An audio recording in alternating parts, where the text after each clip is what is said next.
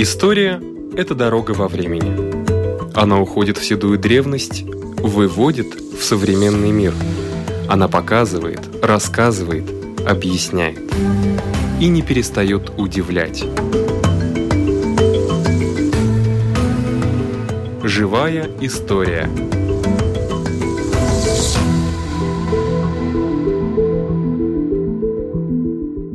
У микрофона Лидия Чера. В Биройнице уже который раз проходит мероприятие, которое рассказывает о предмете месяца. Этот предмет тщательно выбирается, и вот что это за проект, нам расскажет музыковед Инесса Жуна. Жуна.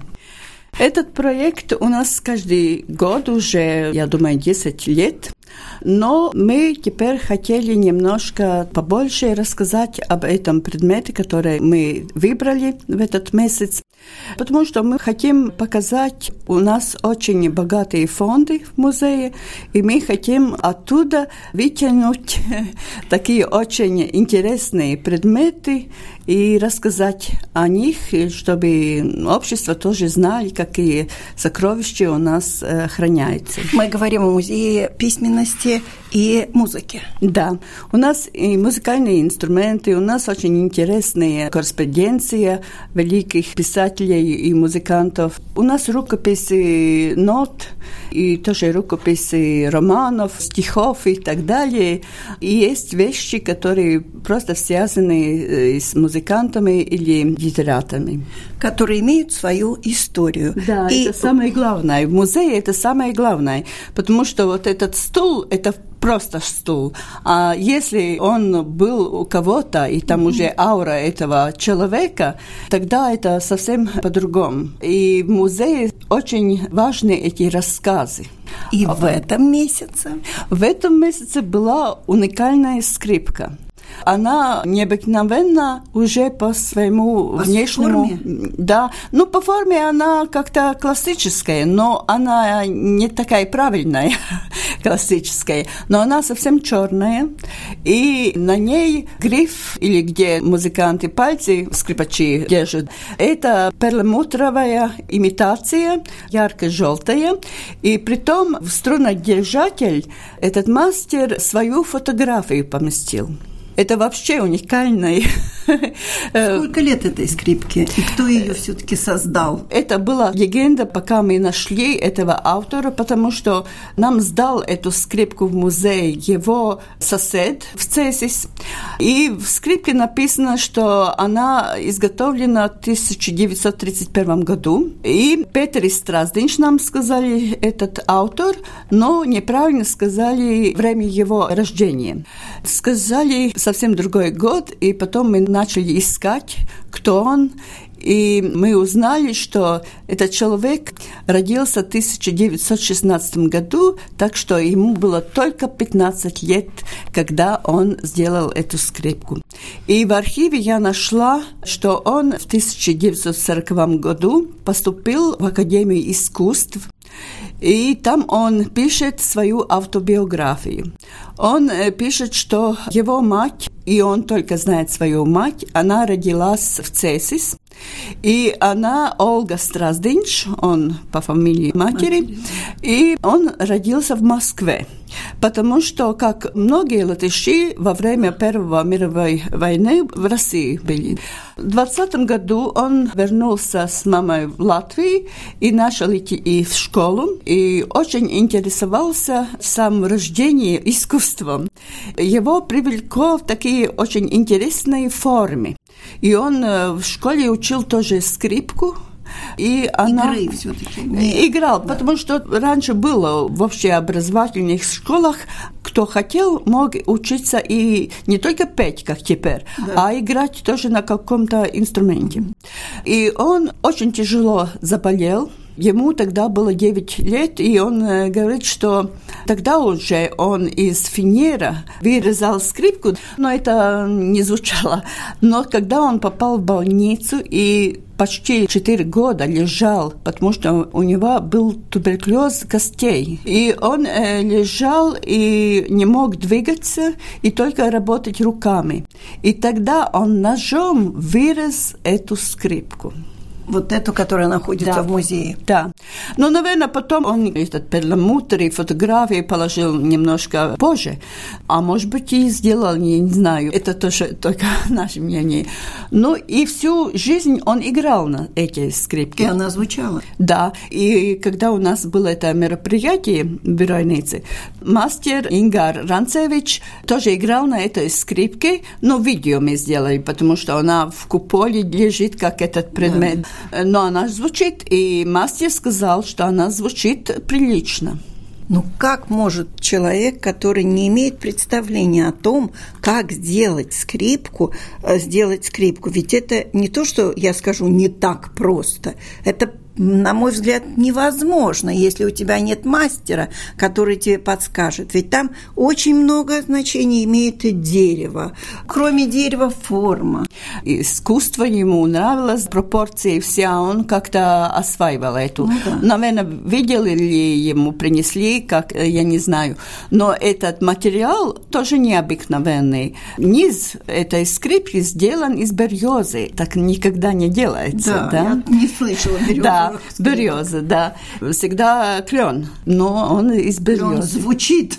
Да, ну береза тоже. Там нет, это двеслите, душа, да, да. но это такой пальчик. Он тоже приклеен, это никогда не делается профессионально. И многие такие вещи, которые показывают, что это аматер, не профессиональный мастер. Но он все-таки старался как-то, вот эта форма, она выглядит как скрипка, ничего там не скажи. А то, что ее сделал 15-летний мальчишка, это вообще, мы все удивлялись, но это так. История очень интересная, конечно, и такая загадочная. А куда дальше, куда пропал Страздныч?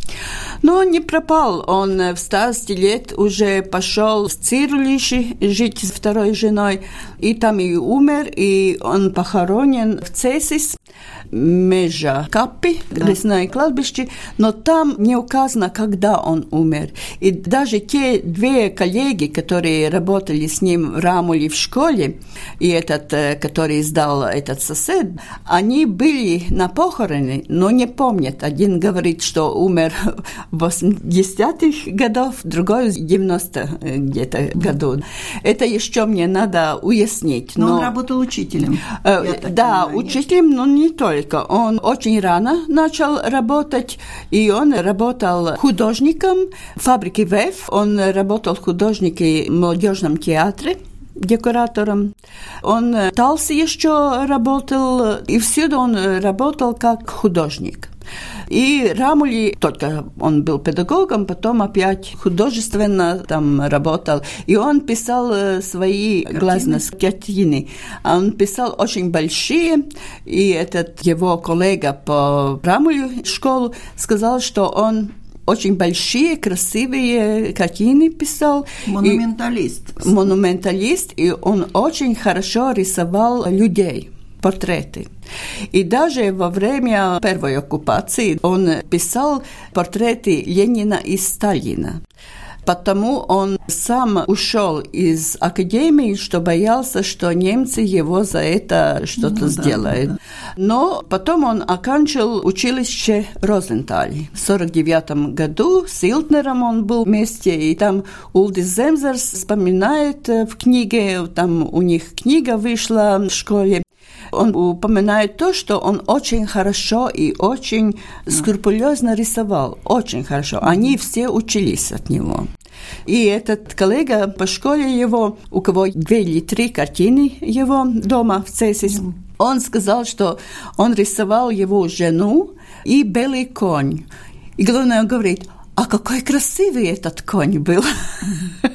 Они сохранились, эти работы? Работы сохранились. А вы видели? Нет, не видела. Я не успела Жалко. к нему поехать. Посмотреть бы хотелось даже. Да, но интересно, что эта скрипка, которая теперь да. с такой историей, она охраняется, и это единственный предмет от этого человека. И с этим предметом мы узнали о него, и он как-то, э, ренессанс его как-то ожил. Да. Потому что кладбище даже нет такой пластиночки, где написано, что он там лежит. Только знают, что он там похоронен, а да. ничего там нет. Ни про детей ничего не известно, ни про жену. Есть у него от первой жены сын и два внука. Угу. Но они как-то... Мало знают. Мало наверное, знают, да. да. Они не были даже на похороны, говорят.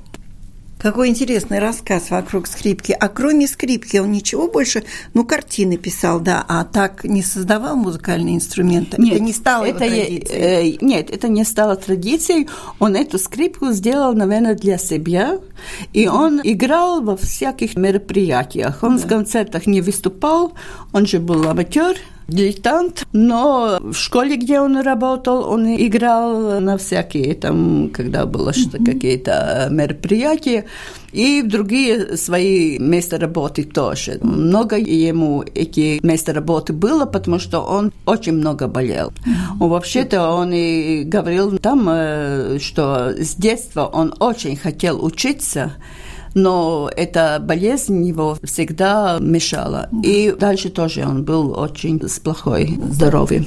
Туберкулез костей – это самая большая беда Первой мировой войны. Вообще очень много потом восстанавливался. Знаю, что Красный Крест за этим следил, и он тоже попал в эту же когорту, к сожалению, больных туберкулезом.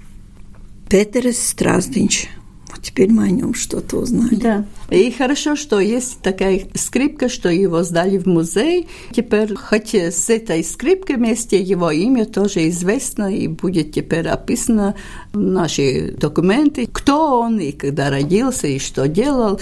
Так что сведения о этом человеке сохраняются. А портрета не сохранилось? Есть, да. Есть портрет? Есть, да. Красивый? Он очень красивый, но это молодость. Портрет в этой скрипке портрет в скрипке. Можно говорить о какой-нибудь следующем предмете месяца или еще не придумали? Придумали мои коллега, там будет зизлис. Э, жезл. Жезл, да? Жезл. Дирижера, которую подарили или палочка дирижера. Палочка дирижера, да, которую подарили, теперь не знаю, или Леониду Вигнеру, или, надо спросить, Зинтерс Гилба это делает. Это был подарок и копия жизля Теодора Рейтера праздник песни была такая балва, я не знаю, как по-русски. Награда. Награда, да. И вот я только не помню, или Гильон Двигнер, или Меднис Харалд получил эту награду, и об этом будет, потому что уже будет праздник песни в июле, и в связи с этим такой да, предмет. Конечно, приурочено. Но это будет тоже где-то через месяц сейчас? Да. В 20-х да. числах? Да, в Беройнице тоже.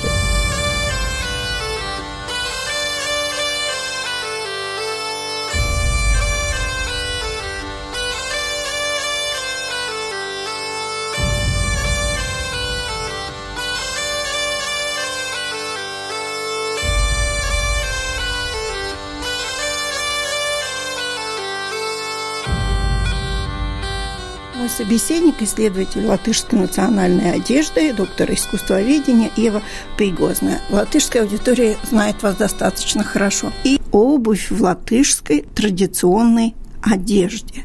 Сразу на ум приходит песня «Kas ar kurpēm, kas ar vīzām, kas ar plikām kājām». Вот приблизительно так, наверное, и одевались латыши в древности. Ну, я бы сказала, это абсолютно правильно, потому что мы знаем, что летом люди ходили босиком. И когда они были дома, когда они работали дома, тогда они всегда ходили босиком, и это было нормально. Потом, если они собирались куда-то, например, э, в город или на войну, или в кладбище – или в лес. Тогда они одевали обувь какую-нибудь. И кажется, что одна из самых популярных была лапти. Визес – это и есть лапти? Это и есть лапти. Они всякие, есть из веревок сделанные. Эти из веревок носились только зимой. Когда очень холодно, так как сейчас, так э, это было, наверное, самой лучшей обувь, потому что снег не попадал к ногам, и они оставались сухие весь день. И когда люди приходили домой вечером, тогда они снимали эти лапти И Сухие. до следующего утра они уже были сухими. И опять могли одевать. И... Это лапти, сделанные из чего были? Из веревок? Из веревок, да. По колу. Это та часть льна, которая... Да. После обработки льна да, она да, остается. Да, да. И вот такие. Тоже из этого да. делали. И еще, наверное, пасталас. Для это... меня пасталас и визис – это одни лапти. Нет, это не то же самое. Пасталас сделанный из одного куска кожи. И там тоже есть всякие дизайны, потому что зимой они надевали пасталас, которые были с шерстью. И шерсть была снаружи, чтобы не скользнула. а, не было. Да, да, а если летом надо было, тогда без шерсти. И это уже была довольно хорошая обувь. Мы говорим сейчас о каком веке приблизительно? 19 До 19 до, до 19 и даже начала 20 потому что эти самые обыкновенные обуви, они у нас те же самые, наверное, тысячи лет. Потому mm что первые пастолос мы уже находим в археологических раскопках X века. Так что они вообще не изменялись. Наверное, такой дизайн очень хороший был. И уже в XIX веке появляются черные кожаные туфли и сапоги, которые мы сейчас, сегодня уже часто одеваем вместе с народным костюмом. Но это и правильно, и неправильно, потому что туфли и сапоги больше совпадают уже с городской модой которую люди здесь начинали носить примерно 60-е, 70-е, 80-е годы XIX века. Я с вами согласна, потому что мои прадед и прабабушка, будучи староверами, смотрели в свое время по телевизору, когда выступали национальные костюмах латышские танцы, говорят, что же они черные туфли-то одели? Надо же было лапти одевать или. Да, да. И я вот в прошлом году изучала свадебные традиции, и там тоже, ну как костюм в свадебных традициях, и там мне очень такие интересные тексты появлялись. Например, с вицами были такие, где они говорят, что самые лучшие и святые – это лапти, потому что они сделаны из кожи дерева. Но пастолос сделаны из кожи животных, например, корова или Какое больше всего было, корова, да. корова, да. И они сказали, что если люди венчаются и носят обувь такого покойного животного, так это нехорошо. Поэтому надо лапти. Это мне казалось вот такие очень э, странные и довольно интересные замечания. И мы этого не знали. Мы думали, что люди одевали все, что у них было самое лучшее. Да. Но, наверное, самое лучшее было на голове и на спине. Но обувь такая очень консервативная часть одежды. Как интересно. Вот э, слушай, думаю, а остальной мир тоже обувался в то же время, как и латыши? Те же самые традиции есть Восточной Европе, и тоже Россия, и Литва, и Польша, Чехословакия, нет, это Чехия. И у них те же самые. Когда мы уже смотрим более в запад, тогда уже появляются и другие виды обуви. Но это довольно-то большая географическая область, где те же самые традиции, только каждый народ и даже каждый регион делал о них по-своему. Я знаю, что стекольщик в свое время была очень престижная профессия. Интересно, сапожник была ли престижной профессией? Трудно сказать. Очень много вот таких замечаний не оставалось. Например, у моей бабушки были родственники в детстве, сапожники, и у них всей семьи девять детей было, у них всех была хорошая обувь, именно потому, что сапожник был родственником. Это 20-е 30-е годы 20 века. И, наверное, это было хорошо, да. потому что у других, наверное, так не было. Но многих из этих традициональных видов обуви почти каждый мог сделать. И есть много таких текстов, где говорятся, что люди их делали дома, почти каждый старик делал для всей семьи. Иногда тоже дети, когда они были на работе. Тогда делали, когда работали? Или когда их брали? Ганос. А, когда они были в пастухах. Да. Тогда они делали, тоже Да. собирали. Материал собирали или пастила сделали из кожи, который они Падшего получили. животного, Да, да. да, какого-то животного, которое погибло. Скажите, у нас есть где-то коллекция вот обуви латышской, традиционной? Самая большая коллекция хранится в Национальном музее истории Латвии, но почти в каждом региональном музее и даже в маленьких приватных музеях тоже есть э, традиционная обувь. То, что интересно, обувь почти осталась только с 20 века, с 19 очень, очень мало. И это, наверное, потому что обувь, когда она стала уже старой, не выбрасывали. Ее надо было сжечь, потому что это как будто Традиция. нехорошо, чтобы обувь валялась где-то. Наверное, поэтому и не осталось так много. Но эти традиционные виды обуви, они те же самые в течение много лет, и поэтому мы знаем, какие они были и 100, и 200 лет тому назад. И мы тоже видим в древних рисунках, что та же самая обувь. Так что она почти не изменялась. Но я знаю, что в Национальном музее истории Латвии хранится, например, виллайна, который то ли 16, то ли 17 век, а вот обуви, наверное, все-таки нет. Именно по Э, традиции так получилось. Но есть та обувь, которую находят в археологических раскопках до 18 века, если она сохранилась. И первая уже с 10-11 века. Там были пастелос, тоже были сапожки. Но эти сапожки, наверное, носились до 16-18 века, потом в 18 они не были. И тогда вообще все крестьяне носили только лапти или пастелос. Я знаю, что вы не только изучаете, но вы и сама рукодельничаете. Да.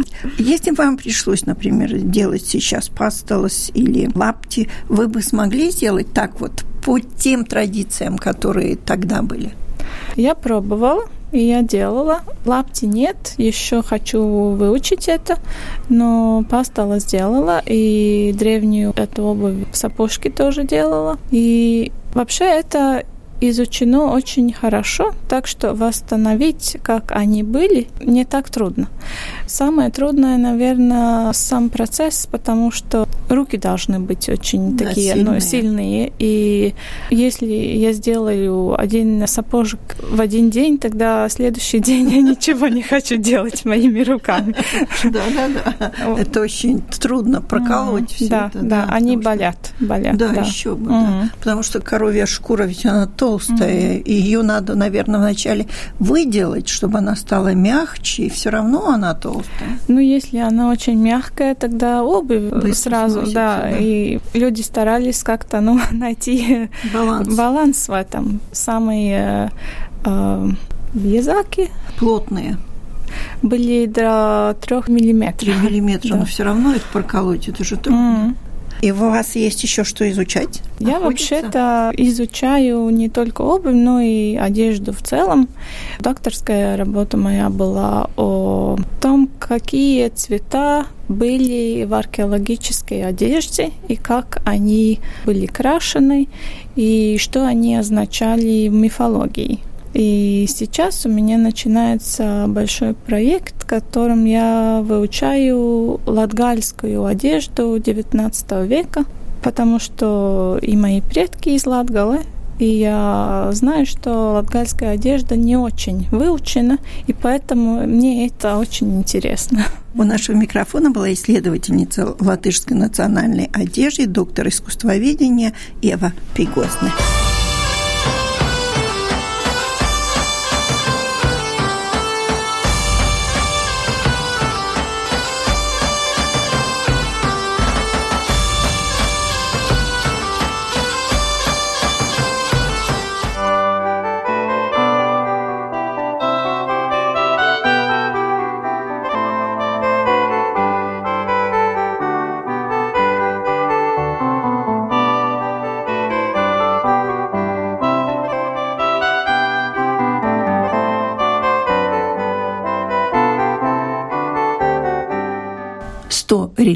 Истории Латвии. У микрофона заместитель директора Государственного музея истории Латвии Ирина Зейбарта.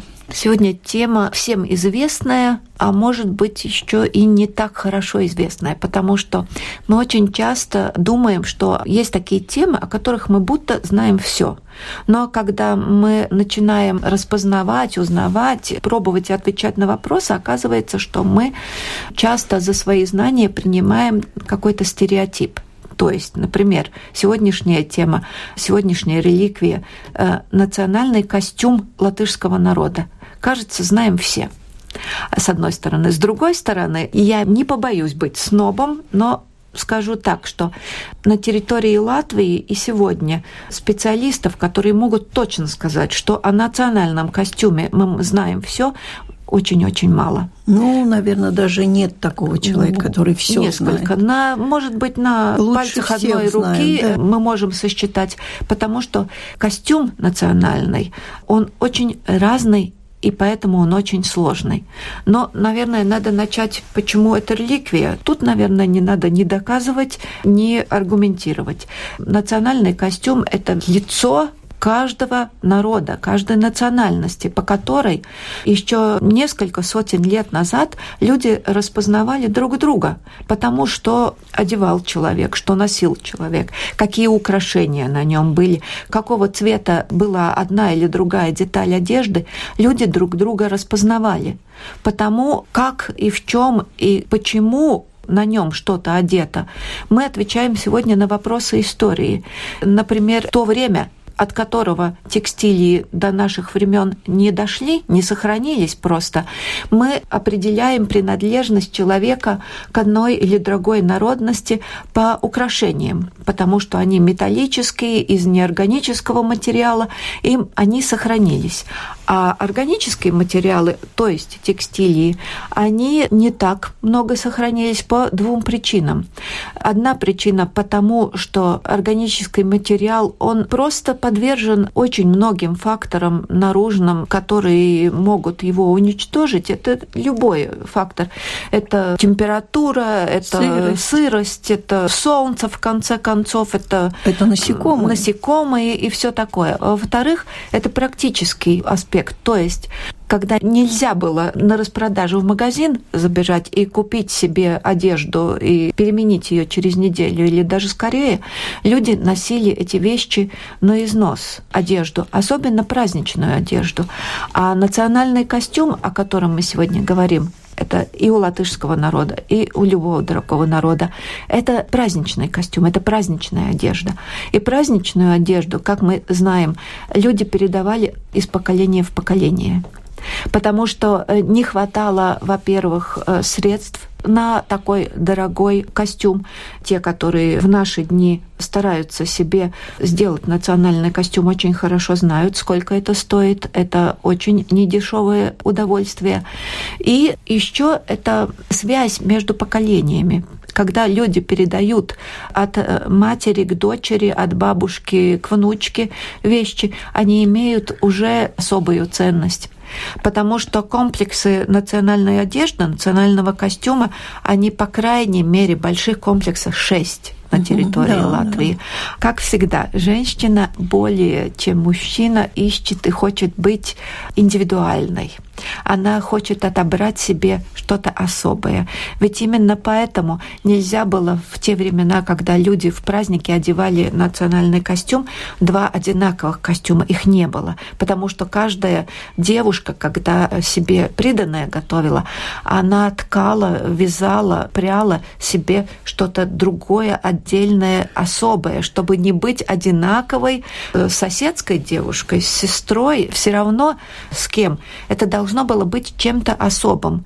И наоборот, мужчины Мужчины, как всегда, наверное, старались быть более такими воздержанными и думали, я думаю, и о праздничной одежде, о такой, которая, во-первых, практичная, Конечно, и мужская одежда имеет признаки праздничности, но все-таки она более и менее такая воздержанная. И тем более, что начиная с 18-19, может и раньше веков, в мужском костюме начинает появляться такой, ну, военный стиль, признаки военной формы, которые приносили рекруты, которые выжили, приносили на свою родину, в свое родное село, в свое семейство. И еще мужчины быстрее, чем женщины, перешли в XIX веке на одежду, которая уже была промышленно изготовлена, на мануфактурную, на фабричный материал. Но в любом случае это реликвия, наверное, самая сложная для того, чтобы о ней рассказать. Это часами, Там днями, неделями можно. о каждой. Поэтому, наверное, надо просить э, слушателей просто поверить и признать то, ну что, уже они и так верят, что национальный костюм – это, несомненно, одна из самых ценных реликвий истории Латвии. У микрофона была э, заместитель директора Государственного музея истории Латвии Ирина Зайбарта. На этом наша программа заканчивается. Всего вам доброго.